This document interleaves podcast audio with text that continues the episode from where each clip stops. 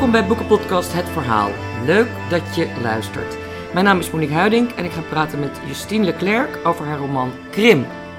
Van Justine Leclerc verscheen eerder de roman De Roemloze en de verhalenbundel Wegens Geluk Gesloten. In het dagelijks leven organiseert zij kunstexposities en ze is bestuursvoorzitter en woordvoerder van de stichting My Red Light. Uh, dat is het eerste raambordeel dat door prostituees zelf wordt gerund en gesitueerd op de Amsterdamse Wallen. Welkom, Justine. Hallo. Leuk dat je er bent. Uh, op de achterflap van jouw uh, roman Krimp staat uh, het idee voor Krimp, kreeg ze, dat ben jij natuurlijk, in 2014 na de klopjacht op het misdaadduo Enise B. en Antonio van der P. Via haar fictieve lotgenoot Lin Lina doorzoekt Leclerc haar eigen arrestatie in 1989, die uitmondde in een eeuwigdurende schuld. Hoe autobiografisch is dit boek? Dit boek en ook mijn andere werk zitten, zitten eigenlijk altijd elementen in die ik zelf heb meegemaakt. Uh, ofwel als hoofdpersoon, ofwel omdat ik er heel dichtbij was. Uh, zelf denk ik dat als je schrijft of, of een andere vorm van kunst bedrijft, dat je altijd natuurlijk, je werkt met jezelf. Dus er zit altijd een eigen verhaal in. Je moet ook affiniteit hebben met het onderwerp, anders kan je er geen werk van maken. Mm. En uh, ik vind ook altijd dat je enig recht van spreken moet hebben. He, over iets schrijven, uh, schrijven over klassiek ballet. En nog nooit naar een voorstelling zijn geweest of er helemaal niets van weten. Dat vind ik wat, wat discutabel. Hoeveel, dus, hoeveel, hoeveel weet je van de, deze materie dan? Van deze materie weet ik uh, zaken als hoe het is om opgepakt te worden door de politie. Hè, hoe dat gaat op zo'n hoofdbureau of op zo'n klein bureau. Hoe zo'n verhoor ongeveer loopt. Want je hebt En zelf in de criminaliteit gezeten.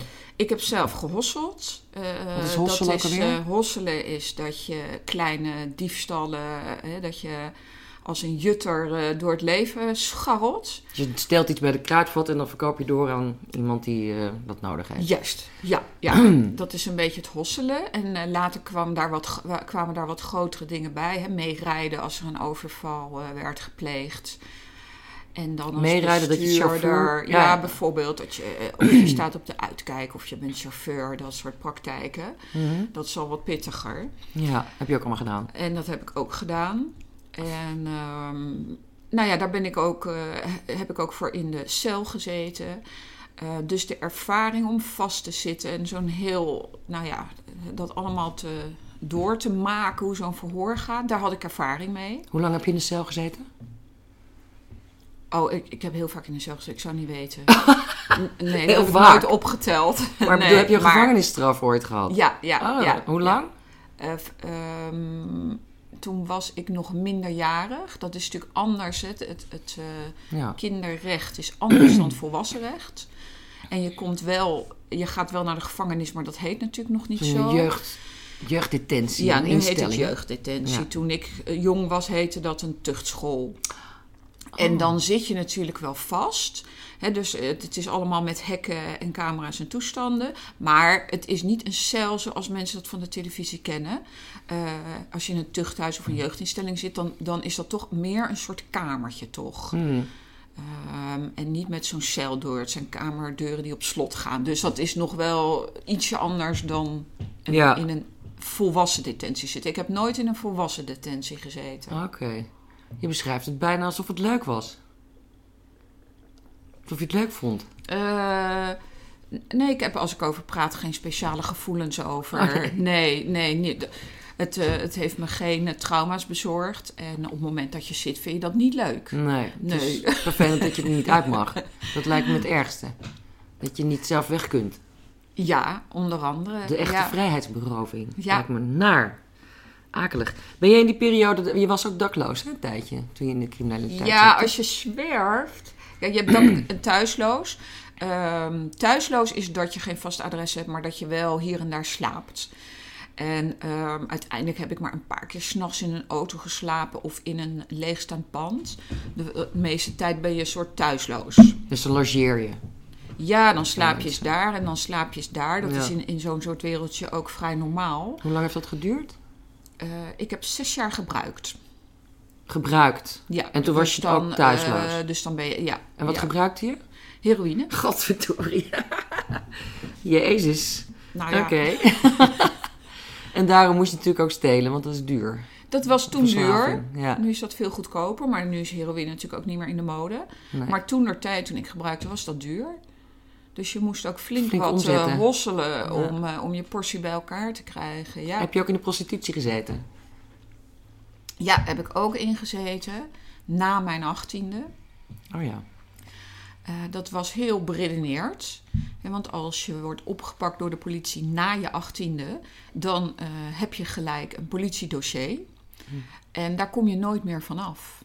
Hoezo was dat dan beredeneerd? Dat, nou, dus op het moment dat ik 18 werd, eh, dacht ik, ja, stel dat ik ooit stop met drugs en een ander leven wil, dan wil ik geen politiedossier hebben. Want dan kom je nooit meer ergens aan de bak eh, in, in de wereld. Dus op het moment dan- dat ik Of ik begrijp je 18 verkeerd werd, of je zei het verkeerd. Als je na je achttiende een politiedossier krijgt, dan Ja. kom je er vanaf. Nee, dan kom je er niet vanaf. Nee, het is andersom. je- Kijk, je hebt jeugddetentie en dat Ja. loopt tot je achttiende. Ja. En En dan wordt als je dat een dossier vernietigd. politiedossier hebt, een jeugddetentie, dat wordt vernietigd. Ah, Oké. En als je na je achttiende eh een dossier ontwikkelt, en dat, dan ben je namelijk volwassen, Ja, daar kom je nooit meer van af. Dus de dag dat ik 18 was en nog steeds drugs gebruikte, eh, besloot ik om dan te stoppen met, eh, met stelen en dat soort dingen. En eh, me te prostitueren. Oh ja. Dat is niet strafbaar. Ehm, dus ik zou geen dossier opbouwen. Dus ik heb dat vrij bewust eh, gedaan. Ja, Toen had je dus het idee, dat moet dan, toen je 18 werd, dat er nog een andere toekomst voor jou mogelijk was. jazeker. Jazeker. Ja. hebt, heb je altijd gedacht dat je eruit zou komen? ja. Hoe, hoe verklaar je dat? Dat je dat zo zeker wist? Zo'n heroïneverslaving is ook niet eh, niks. Ja dat, dat is natuurlijk wel een lastige vraag. Hoe verklaar je dat? Of ben je heel optimistisch van aard? Nou, nee hoor, ik ben een somber type. maar eh, dat ik dat voor ever en ever zou doen, die verslaving. Ik, ik wist dat ik op dat moment er nog niet toe in staat was. En dat, dat ik er daar de kracht niet voor had. En dat, dat, ehm, maar als je natuurlijk voor je verslaving ook een ander soort leven hebt gehad. Eh, en ook veel al gezien hebt, dan weet je wel dat er, een, dat er andere mogelijkheden zijn. Ja. Eh, ik kon me niet voorstellen dat ik mijn hele leven heroïne zou gebruiken. Nee. En ik denk, dat weet ik natuurlijk ook niet zo goed meer. Ik denk niet dat ik er nou een heel helder beeld van had. Maar dat ik eruit zou stappen, dat wist ik toch wel vrij zeker. Uit wat voor, wat voor milieu kom je? Wat deden je ouders? Of je vader of je moeder? Mijn vader is eh, kunstenaar. Mijn ouders leven allebei nog. Ja. Mijn vader is kunstenaar, kunstschilder en beeldhouwer. Je komt uit een kunstzinnig milieu. Ik kom uit een kunstzinnig milieu, uit het, het Haagse kunstenaarsmilieu. Dan verwacht je ook niet dat, dat, je, dat je als dochter in de prostitutie, in, een, in het hosselen en in, aan de heroïne geraakt. Nou, dat is onder kunstenaarskinderen niet Heel normaal. normaal. Eh, de meeste kunstenaarskinderen komen buitengewoon slecht terecht. Is dat zo? Zoals een journalist ooit schreef, daar kan je de Amsterdamse grachten mee dempen. En eh, dus nee, ik ben allesbehalve origineel. Het was een stuk origineler geweest als ik eh, die episode had overgeslagen. Oh. Maar als je kijkt naar mijn generatiegenoten. Eh, en je kijkt naar de kinderen van al die schrijvers en kunstenaars. eh, dan zie je dat men ofwel in het gesticht terecht kwam. ofwel eh, verslaafd raakte. of andere ondeugende zaken ondernam.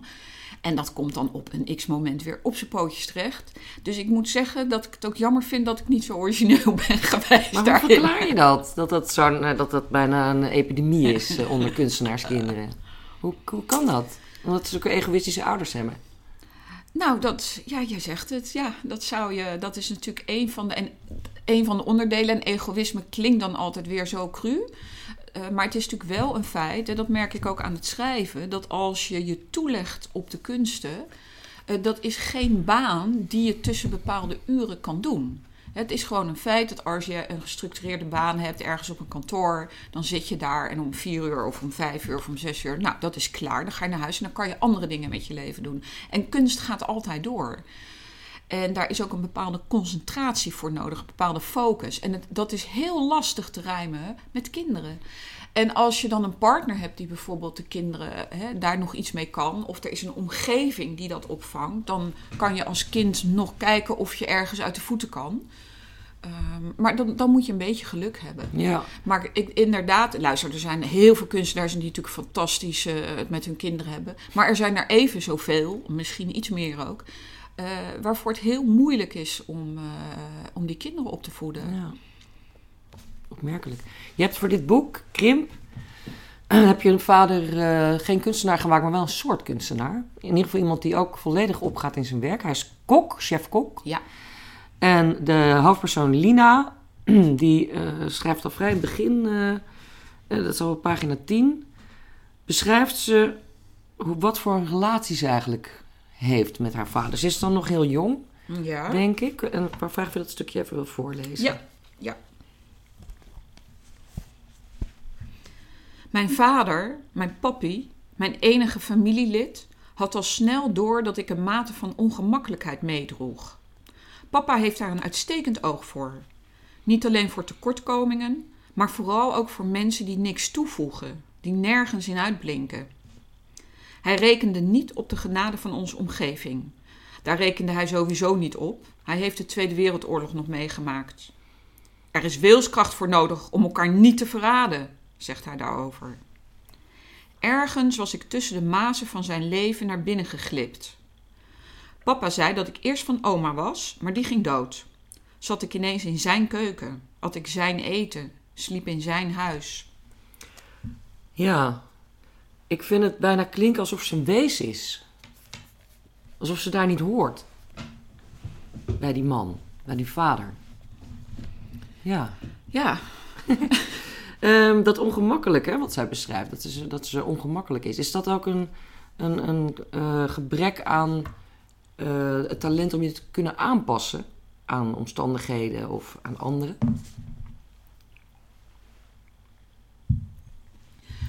Nou, in haar geval zie je dat ze, dat ze zich eigenlijk aan die vader juist heel erg aanpast.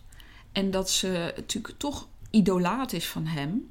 Eh, en zich gelukkig waant met hem in dat restaurant. Haar drama is meer dat ze er achteraf achter komt dat ze dat verkeerd heeft gezien. Dat ze zijn gedrag eh, heeft geïnterpreteerd op een manier die helemaal niet bestond. Zoals je dat eigenlijk ook doet vaak als je verliefd bent. Dat, eh, als je net in een relatie zit en je bent verliefd, dan, dan is die andere persoon eh, werkelijk al, alle fantastische eh, facetten beschikt die persoon. eh, Alleen maar, heeft die persoon alleen maar alleen mooi. Ja. En als je nou maar lang genoeg bij elkaar blijft, hè, na, na een aantal jaar ontdek je: oké, het is nog steeds een leuke persoon, maar sommige dingen heb je wel heel rooskleurig bekeken. Dat is wat haar ook gebeurt. Met haar vader. Ja, ehm, het feit dat, dat, dat zij bij hem kon wonen, dat vatte ze op als liefde. En dat ze in dat restaurant kon scharrelen en dat hij haar te eten gaf. En dat beschouwde zij als een verbondenheid, als liefde, als zorg. En later komt ze erachter ja, dat, dat het hem eigenlijk niets interesseerde. Hij heeft haar binnengelaten uit een gevoel van verantwoordelijkheid, wat iets anders is dan liefde. En hij heeft verder niet meer naar haar omgekeken. Ja. Waar Dus- is de moeder? Dat is een grote afwezig in het boek. De moeder van Lina. Ja. Ja, ze zegt er maar een aantal keer Bijna iets niks. over. Ehm, en ik moet zeggen, wat me verraste, ik, ik las van een aantal lezers en hoorde dat terug, dat nou eigenlijk wat jij nu ook zegt, van waar is die moeder en waarom wordt daar niets over gezegd? Het, het gekke is dat ik persoonlijk vind dat ze juist heel veel over die moeder zegt. Ehm, want door het hele boek heen is Lina constant in conflict met vrouwen. Ze heeft voor vrouwen eigenlijk geen goed woord over. Dat, eh, het- in mijn beleving zegt Lina ontzettend veel over haar moeder. Ze, eh, Lina die, die kijkt neer op de vriendinnen en vrouwen waar haar vader eh, mee rondscharrelt. Later, als Lina een, een brave ambtenaar is, dan heeft ze ontzettend veel moeite met haar vrouwelijke collega's. Ze Ja. begrijpt daar niets van, ze kan niet met ze praten, ze snapt het spel niet. Ehm, en daarmee zegt ze eigenlijk hoe ze naar vrouwen kijkt en indirect hoe ze naar haar moeder kijkt. Eh, en dan zie je dat daar heel veel boosheid zit en heel veel onbegrip. En dat ze vrouwen, dat ze bijna een soort haat ontwikkelt eh, voor vrouwen. Ja, ik wou je ook vragen inderdaad. Eh, ze heeft al vrij snel in, in het boek laten ik figuur dus Lina blijken dat ze zich enorm ergert ook Ze ergert zich heel erg aan mensen. Ja, Dat zijn dan vaak eh, de vrouwen die, eh, waarmee ze, haar vader eh, Ja. verkeert. ja. En ik vroeg me inderdaad, of heeft, he- vind jij dat zij een hekel aan mensen heeft? Of heeft ze specifiek een hekel aan vrouwen? Ze heeft specifiek een hekel aan vrouwen, vind ik. Dat, Hmm. dat, ehm, dat ontwikkelde zich ook zo. Hè, want je schrijft dat toch een beetje... eh, Ja, je weet ook niet precies waar zo'n boek dan naartoe gaat. Maar ze heeft in eerste instantie natuurlijk een jaloezie naar vrouwen... naar die vriendinnen van die vader. Dat is vrij natuurlijk. Hè, dat hebben kinderen vaak. Ja, En ehm, omdat die vader die vrouwen ook allemaal weer verwerpt en haar ook hele intieme dingen vertelt over wat hij met die vrouwen doet, wordt haar afschuw over die vrouw ook gevoed eigenlijk door hem. ja. Dat heeft hij volgens mij niet eens zo in de gaten, maar Ja. dat doet hij wel. Waarmee zij bevestigd wordt in dat het oké is, dat het goed is om afkeer te hebben van vrouwen. Ja, en daarmee zaai je natuurlijk wel een ontwikkeling in iemand. Eh, en Ja. dat zie je bij haar heel goed. Dat ze inderdaad een afkeer krijgt van vrouwen. Dat ze zich overal aan ergert wat vrouwen doen. Eigenlijk wat haar vader ook deed. ja. Want ehm, hij, hij geeft geen enkele blijk van dat hij die vrouwen nou waardeerde. Of dat hij van ze hield.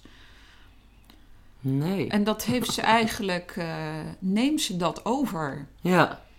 Ben jij zelf zonder moeder eh, opgevoed? Nee, nee, zeker niet. Nee hoor, mijn moeder leeft ook nog. En mijn met- ouders zijn gewoon bij elkaar. Met ja. Gewoon een, een, een gezin met vader en moeder. ja, ja. Waarom wilde je dan, eh, waarom wilde je dit zo dan beschrijven? Of, of je hoofdpersoon een, een moeder ontnemen? Nou, dat, ehm, ja, dat gebeurt natuurlijk. Je, je, je gaat nadenken van hoe wil ik het verhaal vertellen. En sommige beslissingen zijn niet eens zo heel erg bewust. Hè. Die gebeuren op een x-moment. Ehm, al moet ik zeggen dat Lina eigenlijk al vrij snel geen moeder had. Omdat ik, het, eh, omdat ik heel erg duidelijk het wilde hebben over de banden die Lina heeft met mannen. En ehm, over het loyaliteitsconflict, waar, haar, waar uiteindelijk haar woede en haar geweld vandaan komt. Hmm. En ze wordt natuurlijk gemangeld door al die relaties met die mannen. Dat is dan de vader, later de eerste vriend en dan haar tweede vriend. Die, er allemaal, die relaties zien er allemaal heel anders uit. Ze doen allemaal een beroep op haar loyaliteit en, en op wat zij normaal vinden. En ehm, juist, eh, juist het feit dat ze alleen maar met mannen om kan gaan, geeft een duidelijker beeld van hoe een vrouw zich kan ontwikkelen als ze in de mannenwereld eh, opgroeit. Hmm. En dan niet de steun heeft van de vrouwen om haar heen. Dus eigenlijk vanaf het begin af aan had ze inderdaad die moeder al niet. Ja. En dan duurt het even voordat je zelf doorhebt wat dat betekent voor een meisje. Ja. En want daar ga je natuurlijk over nadenken. Het zijn natuurlijk de gekste dingen. eh, al die vrouwelijke facetten. En als je voor het eerst ongesteld wordt en daar is geen vrouw. Hoe werkt dat dan Ja. allemaal? Maar je ziet dat ze, dat ze zich heel erg vasthoudt aan die krachtige man. Namelijk die vader was natuurlijk wel een ijzersterke man. Met een enorm charisma. En ehm, daar verschuilt ze zich achter. Verstopt ze zich. Ja, ja. Dan weet ze zelf ook niet wie ze is misschien. Is Lina eigenlijk een psychopaat? Nee, absoluut niet. Nee. Nee. Kijk, een psychopaat, ehm, dat is altijd een, een, een vrij uiterste van een bepaalde lijn van menselijkheid. Hè. De- aan de ene kant zit een supergevoelige mens. Een psychopaat heeft heel duidelijk eh, geen gevoelsbeleving. Eh, hij kan extreem, hij of zij kan iets extreems voelen als genot. Ehm, maar het vermogen om te begrijpen wat een ander voelt, of nuances in die gevoelens, zijn er niet voor de psychopaat. En over een psychopaat schrijven is, vind ik ook echt, dat is totaal oninteressant. Omdat het zo vlak is. Ja, want het, het houdt niks in. Kijk, het Hmm. is spannend voor een misdaadserie dat er een psychopaat rondwaart. Maar verder kan je er ook niks mee. Die kan alleen maar moorden en dan moet je naar hem op zoek. Het is heel oninteressant om daarover te schrijven. Oh ja. Ja, en zij heeft natuurlijk juist een heel rijk gevoelsleven, maar ze kan er geen kant mee op. En ze begrijpt het ook eigenlijk niet zo goed, Nee. omdat ze niet heeft geleerd en niemand haar kan vertellen wat er nou precies met haar gebeurt. Mhm. Dat is haar handicap. Ja. Kijk, had ze contact kunnen krijgen met vrouwen, dan hadden die haar nog kunnen helpen. Maar daar heeft ze alleen maar die enorme afkeer voor. Dus ze is zo geïsoleerd als wat. En Ja. mensen die geïsoleerd raken, eh, ja, die, die, dan kom je in zo'n klein kokonnetje terecht. Ja, dan moet je het allemaal zelf uitvinden. En eigenlijk is de mens toch niet gemaakt om het allemaal zelf uit te vinden. Nee. Nou ja, zo kom ik er ook op van is ze misschien een beetje, ja, ze heeft wel min of meer psychopathische trekjes, denk ik. omdat ze zo... Ze kan eigenlijk niet, niks met die, al die heftige gevoelens die ze heeft. Nee, maar dat is niet psychopathisch. Oké. Een psychopaat is echt iets anders. Goed. Een psychopaat doet namelijk die trekjes uit plezier. Ah, En zij doet het uit volstrekte pure wanhoop. ja. En dat, dat, is daar, dat staat lijnrecht tegenover de psychopaat. Oké, Ja. goed. Ehm, op haar vijftiende verjaardag krijgt ze van haar vader een, een kamer cadeau. Ja. Ergens anders. Niet Ja. meer in het huis waar ze wonen met hem. Ze moet het huis uit. Dat is dus een, als een cadeau verpakte afwijzing. Ja. Krijgt ze. Ehm, en op dat moment gaat ze eigenlijk ontsporen, denk ik, hè? Ja. Ja. Vanaf haar vijftiende. Ja. Ontkiemt daar eh, haar agressie, denk je? Dat het ineens... Nee, die is in aanleg aanwezig. En dat, dat, dat vind je ook terug in de tekst. Ze heeft, eh, als ze nog bij vader is en ze is nog jong en zit op de lagere school, hè, dan heeft ze al dat ze dan zo'n zo'n vriendje heeft die op bezoek komt en die uiteindelijk, waar ze toch eh, uiteindelijk ter vuist in zijn gezicht eh, zet. Hè, daar, er is latent is aanwezig dat ze agressie zou kunnen ontwikkelen. Ja, Kijk, ik denk als je een andere persoon dan Lina in hetzelfde verhaal zet, ontwikkelt iemand zich anders. Ik ben ervan overtuigd dat. eh, nou, dat zie je ook in gezinnen. Je kan een kind in hetzelfde gezin zetten, maar er ontstaat andere interactie. ja. En de een heeft meer aanleg voor dit en de ander meer voor een andere eigenschap. Dus daar is bij haar wel iets aanwezig wat zich kan ontwikkelen. En ze heeft, eh, ze heeft, laten we zeggen, mannelijke kanten die te maken hebben met agressie en externaliseren. En tegelijkertijd heeft ze zoveel gevoelens en zoveel pijn en verdriet. Eh, en daar weet ze geen uitweg mee. Maar dat, dat, eh, om dat te uiten naar een ander, dat is daar eigenlijk al, ligt dat al in haar besloten. En eh, als ze natuurlijk op haar 15 op kamer zit, dan begint voor het eerst bij haar te dagen eh, dat het die vader eigenlijk niet zoveel kan schelen. En dat is op die leeftijd, in de puberteit, Het is gewoon een afwijzing. is dat buitengewoon verwarrend. Dat komt als je 15 bent keihard aan. Sowieso als je wordt afgewezen door je ouders. Ja, ja. Dat is je eerste de grote liefde. ja, ja, want ze is natuurlijk duidelijk, eh, adoreert ze die vader. Ze, ze snakt echt naar zijn liefde. Ja, En Ja. zelfs naar zijn aanraking. En dat doet hij ook, raakt er ook niet aan. Nee. Het is gewoon een hele nare vent. Het wat? Ja. Nou, dat met die aanraking, dat, ik, ehm, ik weet niet meer wanneer ik dat gezien heb en wat voor een programma het was. Maar het is me altijd bijgebleven. Ik zag een programma over een vrouw die ooit gekidnapt was geweest. En je weet, eh, dan heb je het Rode Kruis en al die hulpverleningsinstanties. En daar wordt dan wel eens iemand gekidnapt, die zit dan heel lang vast. Dat gebeurt helaas regelmatig. En wat me zo is bijgebleven is dat eh, zij had heel lang gezeten. En dan echt in zo'n weet je wel, zo'n lullig hutje of zo in de klei. Echt eh, van die afschuwelijke toestanden. Ze was jaren niet aangeraakt. En de eerst toen ze vrij kwam, ehm, toen pakte iemand haar bij haar arm om haar uit die hut te leiden. En toen stortte ze volledig in. Door die aanraking. En het is me altijd zo bijgebleven dat eh, hoe heftig het dus is en hoe ontzettend nodig mensen dat hebben om je eigen fysiek te voelen door de aanraking van een ander. Dat dat dus eh, nodig is om te leven. Er is ook een theorie eh, die zegt dat in de opvoeding, als je je eigen kinderen, als je als kind niet aangeraakt wordt, dat je, dat, dat, dat, dat erger is, slechter Ja. voor je dan wanneer Ja. je geslagen wordt. Ja, Dat, Ja, een, dat dat is een klap is eh, ook dan tenminste nog een is tenminste nog. Ja. iets. Ja, Dan krijg je vaak dat die kinderen zich ook heel raar ontwikkelen hoor. ja, Want dat is, heet dan een dubbel bind geloof ik. ja. Dan eh, ga je denken dat liefde bestaat uit het krijgen van klappen. klappen. Ja. Wat ook niet helemaal de juiste opvatting misschien is. Of invulling. Ehm afijn, even iets verder met het verhaal nog. We gaan natuurlijk niet helemaal vertellen hoe... Nee, eh, niet helemaal, want hoor. Dat moeten de mensen zelf lezen. Maar eh zij gaat dus het huis uit. Ze wordt afgewezen door haar vader. Dan gaat ze eh, op dat moment een beetje het verkeerde pad op. Ze komt eigenlijk vrij snel in aanraking met de zelfkant van het leven. Ja. Ze gaat een beetje stelen en eh nou, hosselen dus, wat je net vertelde, wat jij zelf ook gedaan hebt. En dan komt ze eh, de crimineel Rick H. tegen. En die beschrijft ze als met de ingevallen wangen van een verwoeste ziel. ja. Dat is Rick. En daar wordt ze verliefd op. Dat wordt haar vriend. Ja. Wat is in godsnaam de aantrekkingskracht van, van criminelen op vrouwen? Waarom vinden vrouwen dat, dat, zo, spa dat zo Oh, spannend? maar volgens mij ziet zij hem helemaal niet in eerste instantie als een crimineel. Maar wel als iemand met een verwoeste ziel. Ja, maar dat is geen crimineel. Nee, dat is waar. Nee. Maar ze weet, ze weet dat, zij, dat hij een crimineel is. Ja, maar dat is. eh, is, is, eh, iemand vertelt haar dat nog eventjes, dat het een beetje linker gast is, maar daar vraagt ze ook verder helemaal niet op door. Dat is natuurlijk op dat moment is ze ook nog niet verliefd en ze vindt dat verder niet interessant. Wat haar raakt, is hoe die met haar omgaat. Dat eerste contact, dat hij haar naar de tramhalte brengt en dat hij haar meisje noemt.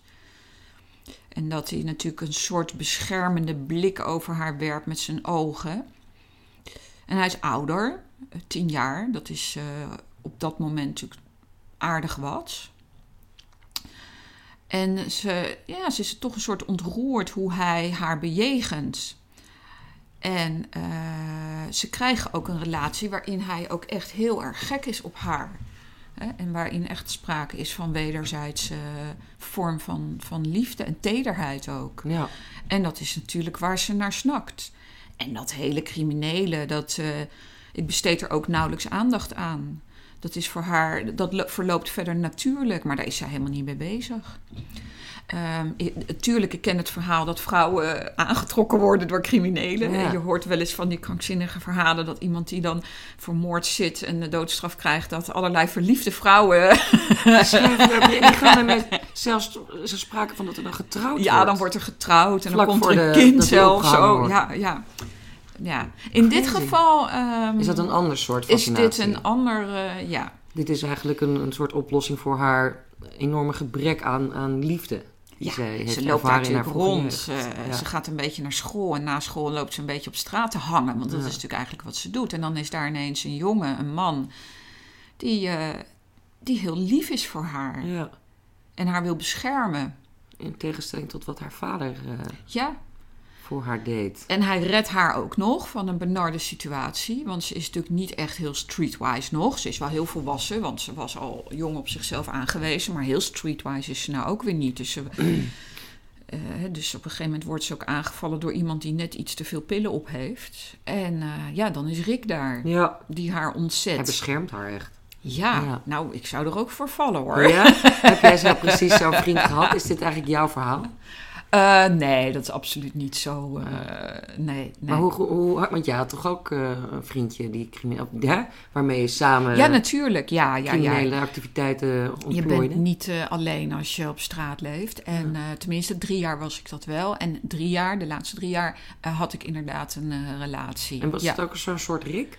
Eh, ehm, ja, bij ons was er wel sprake van. Ja, dat, het, het is altijd lastig hè, in, in hoeverre geef je om elkaar. Maar wij, wij gaven om elkaar. Het was, eh, het was niet een relatie zoals veel mensen denken in dat milieu dat je elkaar daar verrot staat te schelden. Of dat soort ideeën die mensen vaak hebben. Wij hadden gewoon eh, een hele fijne omgang met Ja. elkaar. Maar was hij ook zo'n soort beschermende jongen? Die, hè, dat jij dan, eh, dat jij zijn meisje bent en dat hij... eh, Ja, maar dat hoort ook bij dat milieu. ja, dat denk ik ook. Ja. ja. Dat is ehm, los van of een man uiteindelijk je ook echt beschermt. Het taalgebruik eh, impliceert dat. Hmm. Dat hele taalgebruik van jongens op, van de straat van toen is erop gericht om duidelijk te maken: hé, hey, je blijft met je poten van mijn meisje af. Ja. Ehm, dat heeft een soort. Aan de ene kant vinden ze dat natuurlijk heel romantisch en is dat ook heel stoer. Eh, en dat hoorde in dat milieu. ja. Eh, dat wil niet zeggen dat iedere kerel zich nou daadwerkelijk ook zo gedroeg. Maar in ieder geval droegen ze het wel uit. Ja. Ik vind het ook iets... eh, het heeft ook iets dierlijks. Of iets instinctmatigs.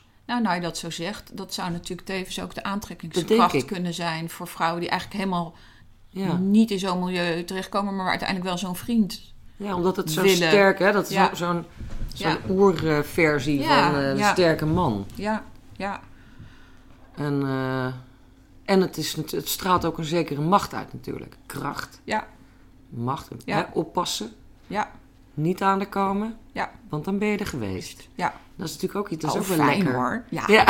En als je de goede hebt, hè, er zijn er ook die zich tegen je keren. Ja. Maar als je natuurlijk een goede vent hebt, dan is het zo dat er ook goed voor je gezorgd wordt. Hè? Dan zijn het niet alleen woorden. Mm. Maar dan moet je meisje moet er goed uitzien en die moet een leuk autootje hebben. En die Ja. moet, hè, dan Maar dat moet doet hij ook voor die andere eh, mannen om te laten zien hoe een ge- geweldig goede oervent hij is. Ja, Ja, het is ook vaak voor elkaar, denk ik. Dat, laat kijk, mijn mooie vrouwtje is. ja, ja. Ehm, dan zegt eh, Lina over, over die relatie met, eh, met Rick. Andere mensen interesseerden ons niets. Ik vond het, dat vond ik echte liefde. Ja. Dus ze, is ook, ze zijn ook onthecht. Ja, op een gegeven moment. Ja. En dat was ook, dat is eigenlijk de aanleiding, het begin van het boek voor mij geweest, die onthechting. Eh, omdat ik dat herkende in die klopjacht toen der tijd eh, op Enise en Antonio. Wat de meeste Nederlanders zich vast nog wel kunnen herinneren. ja, dat is een soort Bonnie en Clyde-achtige eh, in de polder. Ja, we hadden een Want dat is poldervariant. een jaar of drie geleden, denk ik. Ja, God, drie jaar geleden. Ja, Ja, zoiets, ja. En je, je leest en hoort dan overal om je heen van God, hoe is dat toch mogelijk? Ehm, en ik snap dat mensen dat heel moeilijk vinden om dat in te denken. Maar het is een totale onthechting van je omgeving. En waar je dat heel goed eh, kon horen, is uh, Enise staat op een gegeven moment eh, voor de rechter. En eh, er is een dame die, eh, eh, nou ja, die heeft zij gekneveld en geslagen. En, en, en die verklaart daarover. En de rechter zegt, eh, god, hoe kon je dat toch allemaal doen? Of woorden van gelijke strekking. En dan zegt Enise eh, oprecht van... ik was helemaal niet zo hard. Ik heb die mevrouw zelfs naar de wc laten gaan toen ze naar de wc moest. En het erge is, dat meent zo'n Enise natuurlijk oprecht. Vanuit haar beleving uh, was ze, vanuit dat vacuüm waar ze in zat... Uh, was ze nog zo aardig om dat slachtoffer van haar gewoon naar de wc te laten gaan? Ja, welke gijzel, uh, gijzelaar doet dat nou? Um, en dat geeft aan dat je als je in zo'n kokon zit, dat je natuurlijk alles, je hele eigen verhaal maakt en dat ook goed weet te breien. En dat je dat ook kan verantwoorden voor jezelf. En dat je ook oprecht niet begrijpt dat die ander zo zit te zeuren. Uh, zo onthecht ja. kan je raken. Ja. Want het wil niet zeggen dat zij geen geweten heeft of gevoelloos is. Maar um, je bent totaal losgeweekt van je omgeving. En je ziet een ander mens ook niet meer als een mens. Nee. Zo kwam ik, kom ik steeds op die, dat het toch een beetje, uh, nou ja, psychisch uh, wat anders in elkaar steekt dan... Want je, dat beschrijf je ook, om geweld te kunnen plegen of overvallen of iets dergelijks. Of iemand echt sterk te benadelen, laat ik, laat ik het even zo zeggen. Moet je zo'n iemand ontmenselijken? Ja, je moet er geen enkele relatie Ja, maar dat kan iedereen. Ja, Dat kan iedereen. Het is bekend en daar kan je heel veel over lezen in oorlogsliteratuur. Ja, Als de Russen, die jonge jongetjes, het leger in moesten. Binnen twee weken, en vaak veel eerder hoor, maar goed, om het een be- beetje nog voor de luisteraar acceptabel te maken, vaak gebeurt het binnen een paar dagen, maar binnen twee weken staat zo'n 18-jarig, 17-jarige knul op een mensenlichaam in te hakken. ja, Dat zijn geen psychopaten. Dat zijn geen idioten. Dat op dat moment kan je afvragen: komt, er iemand, komt iemand nog uit die oorlog zonder psychiatrische aandoening? Nou, we weten inmiddels dat dat de helft lukt en de andere helft niet. En van die andere helft ontwikkelen sommigen dan PTSS. ja, Maar het idee dat eh, Lina een uitzondering is. Dat, dat wil ik absoluut tegenspreken. Hm. Wat het, haar verhaal is het verhaal van iemand die binnen een sociale omgeving zonder oorlog, hè, want we leven nu even in Nederland zonder oorlog, nog steeds onthecht kan raken. En dan heb je het ook over de Einzelgangers die een schietpartij beginnen, en zoals vaak in Amerika nu eh, recent weer. Eh, Dat zijn dit soort ontwikkelingen, maar die kunnen we allemaal doormaken. En als hier oorlog wordt, ja, je kan het je haast niet voorstellen. En je hebt van de ene op de andere dag geen geld meer, geen eten. En eh, de Chinezen marcheren hier het land binnen. Dan zal je ontdekken dat je andere capaciteiten hebt. En een andere state of mind Ja. om te overleven. precies. Want denk je dat dit ehm, in feite overlevingsmechanismen zijn? Ja, absoluut. absoluut. Een mens overleeft altijd. We zijn kakkerlakken wat dat betreft. Mm. Zelfs de kernoorlog zullen we nog overleven, ben ik van overtuigd. Wij kunnen alles. Overleven. Ja, ja, Ja. ja. Eh, ben jij zelf altijd op je, heel erg op je qui-vive daarvoor? Dat je denkt, eh, elk moment kan iemand eh, helemaal uit zijn plaat gaan of mes in mijn rug steken. Wat voor mensbeeld heb jij? Wat grappig dat je dat vraagt. Dat heeft nog nooit iemand gevraagd. En, en dat is zo. Dat je heel alert Ik bent. ben altijd, helaas, op mijn kievieven. Ja. Ja. Lijkt me vervelend. Dat is, ehm, Vermoeiend. dat is eh, vermoeiend. Heb je dat overgehouden aan die eh, periode op straat? Of had je dat eerder al? Ja, dat, dat, daar denk je natuurlijk zelf ook wel eens over na. Van wanneer begint zoiets? Maar ik, ik had dat eigenlijk al heel erg jong. Heel erg jong. Hmm. Eh, dat ik me constant het gevoel had dat ik in gevaar was. En dat komt omdat ik als kind bijzonder bang was. En ik was vaak alleen thuis. En ik had heel veel fantasie, vooral over inbrekers. En ik heb me dus al heel jong, echt al toen ik zes was, bewapende ik mezelf als ik thuis was om een boterham snel uit de broodtrommel te pakken in de pauze. En dan had ik een groot mes in mijn hand, omdat ik ontzettend bang was dat er op dat moment een inbreker zou komen. Dus eigenlijk zat dat er al heel jong in. En gezien mijn levensloop heb ik dat niet kunnen laten varen. Dat is Hmm. natuurlijk eigenlijk vervolgens bevestigd. Ja, maar je, hebt het eigenlijk omge- je bent het gevaar gaan opzoeken. Ja, if you can beat them, join them. Was vast niet bewust. Nee, natuurlijk niet. Ik Maar klinkt wel dat mooi. ik toen ik zeven dacht, nou weet Ik je wat, als ik nou de straat op ga, dan eh, is het niet meer zo eng. Nee, maar achteraf gezien, ja, ik denk echt wel dat je daar gelijk in hebt. Als iets heel eng is, is het veel prettiger om erin te zitten en het te begrijpen. En ehm, je dan dat je beter- er buiten staat. Dat je het dan beter in de gaten kunt houden? Ja, en dat je het snapt. Iets wat je snapt. Dat heb ik eigenlijk op alle fronten persoonlijk altijd. Als ik iets snap, vind ik het niet meer erg. Hmm. Als ik ergens een pijntje heb en ik snap het pijntje niet, dan, dan ontstaat er een rusteloosheid. En dan is het pijntje nog zo erg als ik weet wat het is, heb ik er direct vrede mee. Hmm. Ook al stel dat het een heel erg pijntje is, omdat het weet ik wat, een gezwel is. Dat Ja. kan me dan allemaal ineens niet meer schelen. Maar ik heb een ongelofelijke neiging dat ik dingen wil begrijpen. Ja. Dus je gebruikt je ratio als, als een bescherming. Ja, want het is natuurlijk ratio. Ja, je Ja. wil een oorzaak en gevolg. Je Ja. wil dat je snapt wat er gebeurt. Ehm, dus dat idee van, joh, hè, laat het gebeuren. laat het, eh, hè, leven wat er te leven valt. Dat is niet echt heel erg aan mij besteed. Ben je ook een enorme control freak?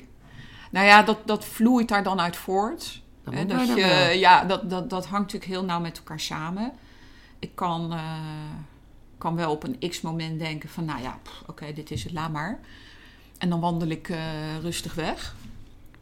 Ehm, maar eh, het in controle houden, dat is natuurlijk, hè, als je angsten hebt, is dat natuurlijk wel een heel belangrijk onderdeel eh, Ja. van je leven. Ja. Want je hebt die angsten nog. Ehm, nou, niet voor die inbreker, want ik weet hoe mensen inbreken. Kijk, daar heb ik dus voor gezorgd. Ja. Dus ik zorg altijd dat ik zodanig woon dat er niet kan worden ingebroken. dat er absoluut niet kan worden ingebroken. Dus, hè, maar, maar goed, voor elke angst die je weet te bezweren, komt er vast wel weer een nieuwe. Ja. Eh, dus eh, Heb je eigenlijk... eh, want je bent al heel lang uit natuurlijk, uit die wereld, ja, of niet? ja, ja, ja, zeker. Maar verlang je wel eens terug naar die zelfkant? Nee, dat leven. Zitten er romantische aspecten aan? Eh, nou, romantisch, eh, eh, dat is een wat lastig woord. Omdat daar vaak een soort verheerlijking in zit. Het, het zit in dat woord vervat. En dat zou ik zeker niet willen beweren. Ik beschouw de zelfkant helemaal niet als iets anders of iets aparts. Voor Alright. mij is het volstrekt normaal om het te bewegen in allerlei verschillende plekken die er zijn. Hè? Of, kijk, en of ik nou met mijn vader, eh, met leden van eh Sociëteit de Witte aan tafel aan het diner zit. Of dat ik eh, diezelfde avond nog met een paar exploitanten en pooiers eventjes een kroketje eet. Dat is voor mij om het even. Hmm. Ik beschouw dat helemaal niet als het een of het ander. Nee. En kent die wereld natuurlijk beide goed. Ja, ja, Ben je daarom ook woordvoerder geworden van die My Red Light Club? ja. Ja, het, het is altijd een beetje lastig voor eh, de wereld van de sekswerkers. Eh, zij willen altijd heel veel en ze zouden heel veel willen veranderen. Maar het lastig is dat heel veel mensen natuurlijk niet willen dat anderen weten dat ze sekswerk doen. Dat is natuurlijk een gigantisch dilemma, omdat er nou eenmaal hè, zo over geoordeeld wordt. Dus wat krijg je? Je krijgt de, de, de kramp dat sekswerkers willen laten weten: hé, hey, hallo, ik ben hartstikke normaal. Ik ben namelijk doktersassistent en ik doe sekswerk in het weekend. En ik ben daar helemaal oké mee. Mhm. Maar ja, die doktersassistent die kan niet met haar kop op tv of, op dra- of voor de radio. Ehm, dus toen My Red Light werd opgericht, wat toch echt wel eh, een ideële stichting is. Ja. En zijn woordvoerders zochten, voelde ik me toch eh, geroepen. Misschien zelfs wel een beetje verplicht. Ehm, Waarom om dat woordvoerderschap te doen. Ja, er zijn niet zo heel veel vrouwen of mannen die, eh, die dat woordvoerderschap kunnen Ja. doen. Dat, er is geen grote vijver Omdat met keuzes. Ja, Dacht je, dan doe ik het ook maar. ja, dan doe ik het ook maar Ja. voor de goede zaak. Ja. Ja, Ehm, wat op een gegeven moment eh, zegt, eh, zegt Lina, en daar komt ook je titel vandaan, denk ik. Ieder mens krimpt in tot zijn omgeving, tot hij erin past, zonder te lijden. Ja. Wat, wat bedoel je daarmee? Is dat die onthechting? nou dat is waar we het net over hadden, dat we kakkerlakken zijn. Dat we alles overleven. Hè, zoals wij nu hier met z'n tweeën zitten en heel veel luisteraars... kunnen wij ons natuurlijk allerlei extreme situaties nauwelijks voorstellen. Je hoopt dat je, dat je het redt als je daarin terechtkomt. Ja. En, en, maar dat is voor 90% ook zo.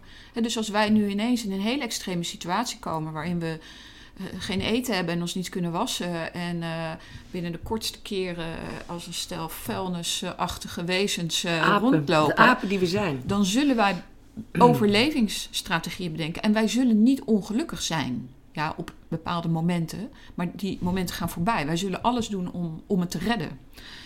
Ehm, zo, zo flexibel is de mens. Dus wat je doet is als jij in een situatie komt die je vanaf afstand eigenlijk mensonterend zou vinden. Maar als je daarin terecht komt, ga je het redden. Je gaat zorgen dat je overleeft en je gaat niet lijden. Ja. Je gaat pas lijden op het moment achteraf dat je het gered hebt.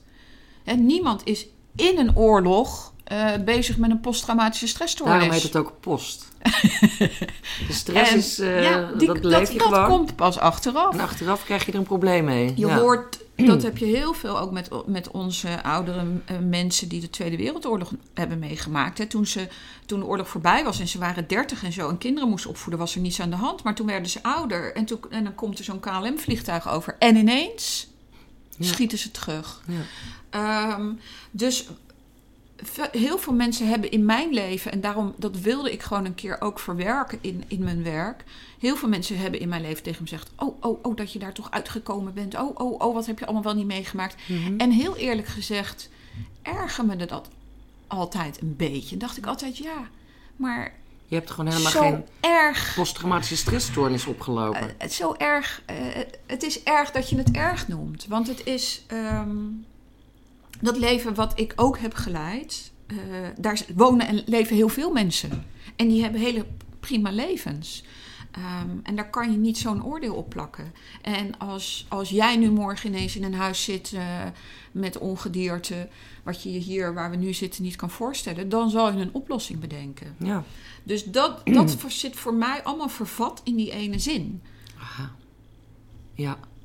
Dus het is, je wil eigenlijk ook een, het is ook een pleidooi voor ehm, mensen die op deze manier in leven blijven, om die, in tegenstelling tot, dat ze, tot wat zij met hun slachtoffers doen, om die als mens te zien. Ja, wij, eh, wij, dan bedoel ik even degene die niet crimineel zijn, moeten dat blijven doen. Ja. Eh, sterker nog, ik vind dat je als maatschappij de uitnodiging naar ze uit moet laten gaan om weer mens te worden. En begrijp me goed, ik heb het nu niet over dat mensen niet gestraft moeten worden hoor. Dat is Mhm. even een heel ander verhaal. Ehm, maar als we het hebben over criminelen die sowieso nog terugkomen in onze maatschappij, dan is het, lijkt me vrij handig om dat strafproces zo te laten lopen dat je ze niet bevestigt in dat isolement en dat je dat niet versterkt en ze nog harder laat worden, maar dat je ze verleidt en uitnodigt ehm, Menselijker te worden. om weer veel ruimer in je hersens en gevoel te worden en Ja. menselijker te worden. Om weer te gaan hechten. Ja. Laatste vraag. Ja. Heeft het schrijven van dit boekje opgelucht? Eh, nee, ik vond het een. eh, ik heb eigenlijk met mijn eerdere twee boeken. eh, vond ik heerlijk om te schrijven. Daar heb ik ook echt van kunnen genieten. En, en soms voel je daar wat bij, maar dat was heerlijk. Ik vond dit een verschrikkelijk moeilijk boek. En waarom? Ik wil echt altijd schrijven wat ik zelf ook kan ervaren. Nou, als mensen het boek lezen, hè, dan lees je daar natuurlijk heel veel verdriet en woede in en agressie. En ik heb dat allemaal de hele tijd tijdens het schrijven moeten voelen. Nou, ik kan je vertellen dat mijn partner dit echt een helsboek vond. Want ik, ja, ik raakte toch opgefokt en zo. Het was heel vervelend om te doen. Dus toen het echt uiteindelijk er lag en ik er niets meer aan kon veranderen, toen Kwam was ik echt opgelucht. Ja. Ah, mooi. nou, dankjewel voor dit gesprek. Ik sprak met Justine Leclerc over haar roman Krimp. Eh, je kunt je op deze podcast abonneren via iTunes, Soundcloud of Stitcher. En je kunt ook eh, deze podcast, die zonder subsidie gemaakt wordt, eh, financieel steunen met een donatie. Dat kan via de website podcasthetverhaal.nl. En dan op de pagina Steun het Verhaal kun je heel makkelijk via internet een bedrag naar keuze overmaken. Alvast hartelijk dank en tot de volgende keer.